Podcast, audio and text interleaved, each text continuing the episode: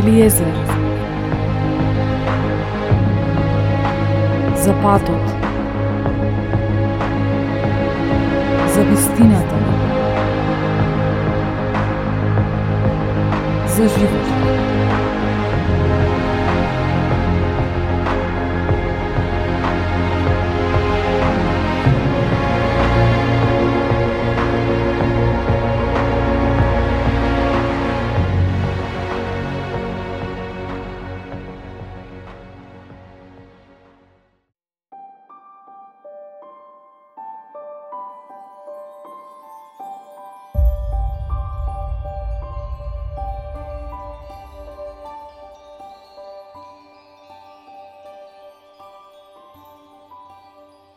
Сонцето зајдуваше. Потуваше како фрлена топка која ќе падне во бунар. Летното ветренце носеше многу нешта во сечи живот. Ги спојуваше луѓето. Ја спојуваше природата со човекот. Ги спојуваше природните и неприродните појави.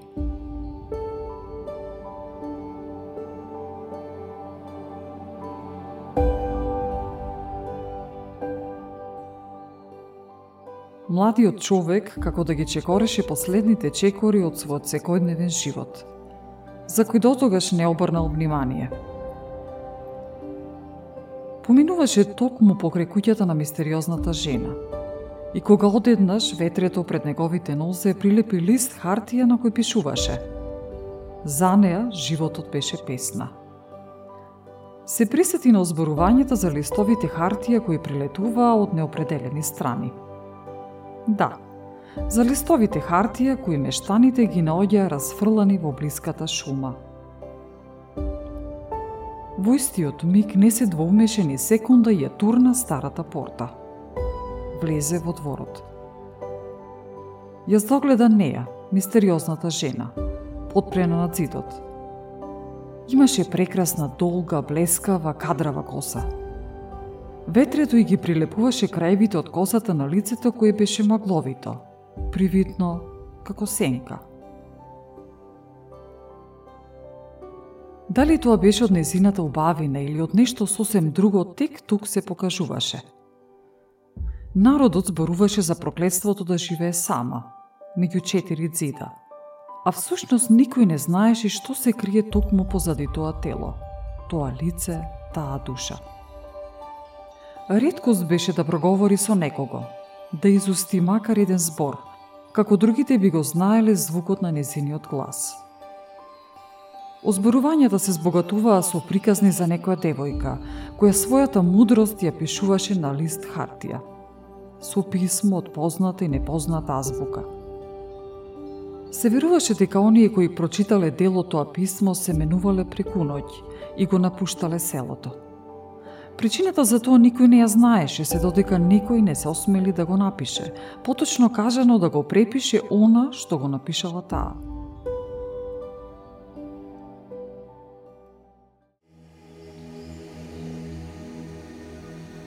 Таа причувствуваше дека некој ќе влезе. Младичот без покана седна на дрвениот стол, близко до неа настана тишина која дозволуваше да се слуша ветрето како струи меѓу незините зборови и неговите прашања.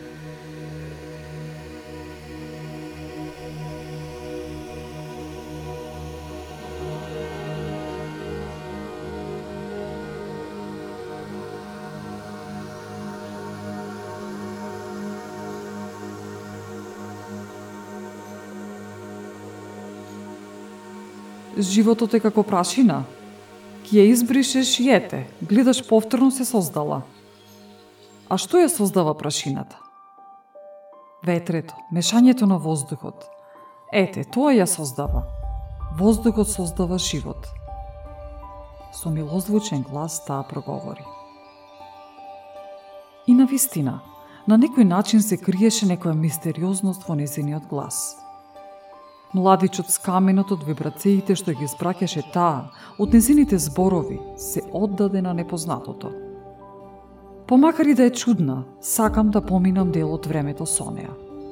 Си помислуваше во себе.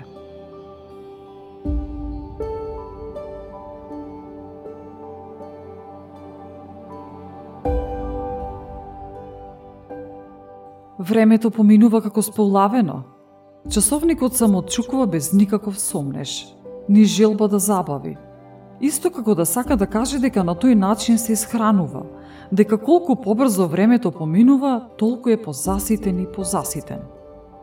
Продолжи таа. Секогаш си го поставува прашањето дали има некој кој може да зборува со времето. И ако има, кој е тој? Постои ли некој кој може да го предскаже времето? Кој тој што го измислил и го турил во кашата наречена постојање? И времето го ставил како зачин кој ќе го одредува вкусот, а во случајов изминатото и преостанатото време. Секој или се што што е овде, на ова тло, во овој воздух, лизнува од таа каша и го поприма незинот вкус. А со тоа во својот желудник го вари зачинот именуван како време. И така, му се вбризгува во крвта и му дава отисок на кој е отпечатен часот на почетокот и крајот.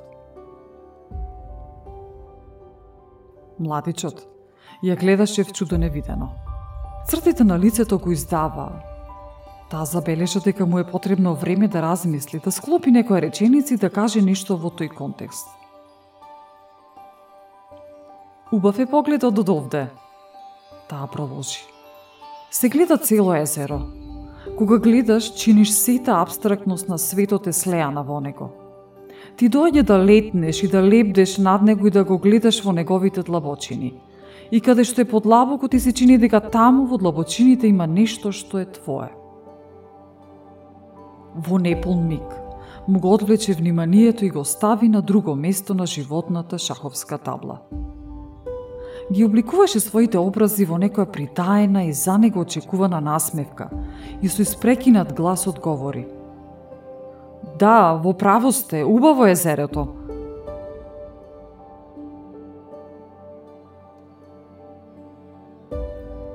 Понекогаш посакувам да лептам. Но дали е тоа возможно? Секој би помислил дека размислувам како дете, дека го посакувам нереалното, абстрактното, Но што да правам, кога едноставно таква сум по природа? Постојано се борам со своите мисли, дали тоа треба вака или онака, дали размислувам за она што е безсмислено или смислено и така, од време на време лутам, па затоа може би сакам да лепдам. Вака, барем сум близко до езерото, што веќе не можам да лепдам над него. Мислите некако чудно ми доаѓаат и составувам чудни реченици – Не знам од каде, но тоа ми доаѓа некако природно. Поради таа природност многу пати сум била сваќана и толкувана неприродно.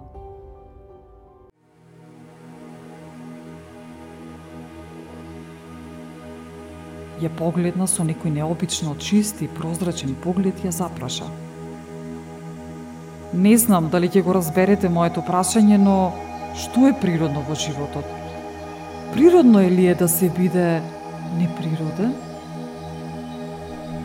тоа неприроден го изговори скоро нечујно, како да имаше некоја несигурност во дефинирањето и одбирањето на вистинскиот спор. Очекуваш долг и сложен одговор на ова прашање, нели? Се насмевна, а со таа насмевка изгледаше како самовила –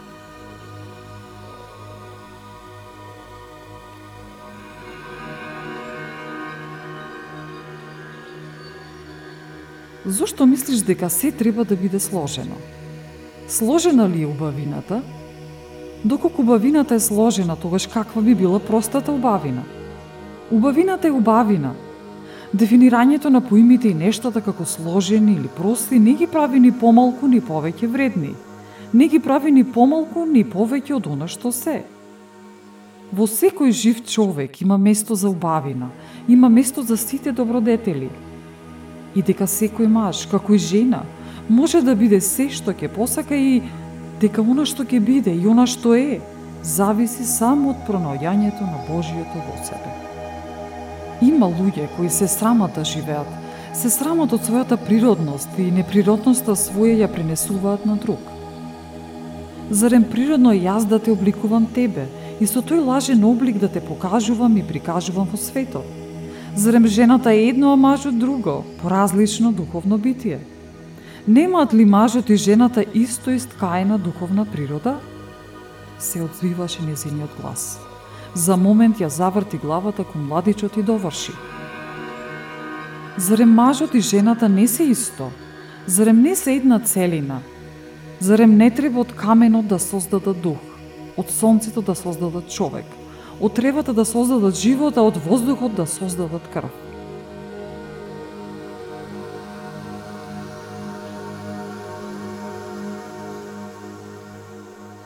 Само очите му се мрда, откривајќи врска помеѓу убавината на се во тој простор и незината лежерност и леснина со која зборуваше, движејќи се кон него.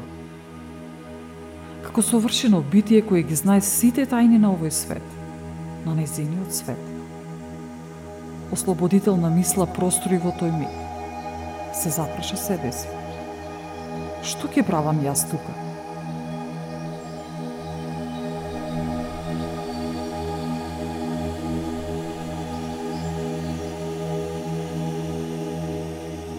Дотогаш, животот му беше како на растегнато бело платно без ниту еден потек од четката на животот.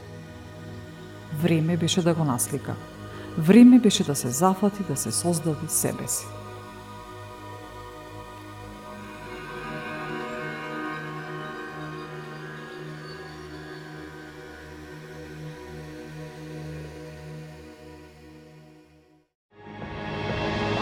Елиезер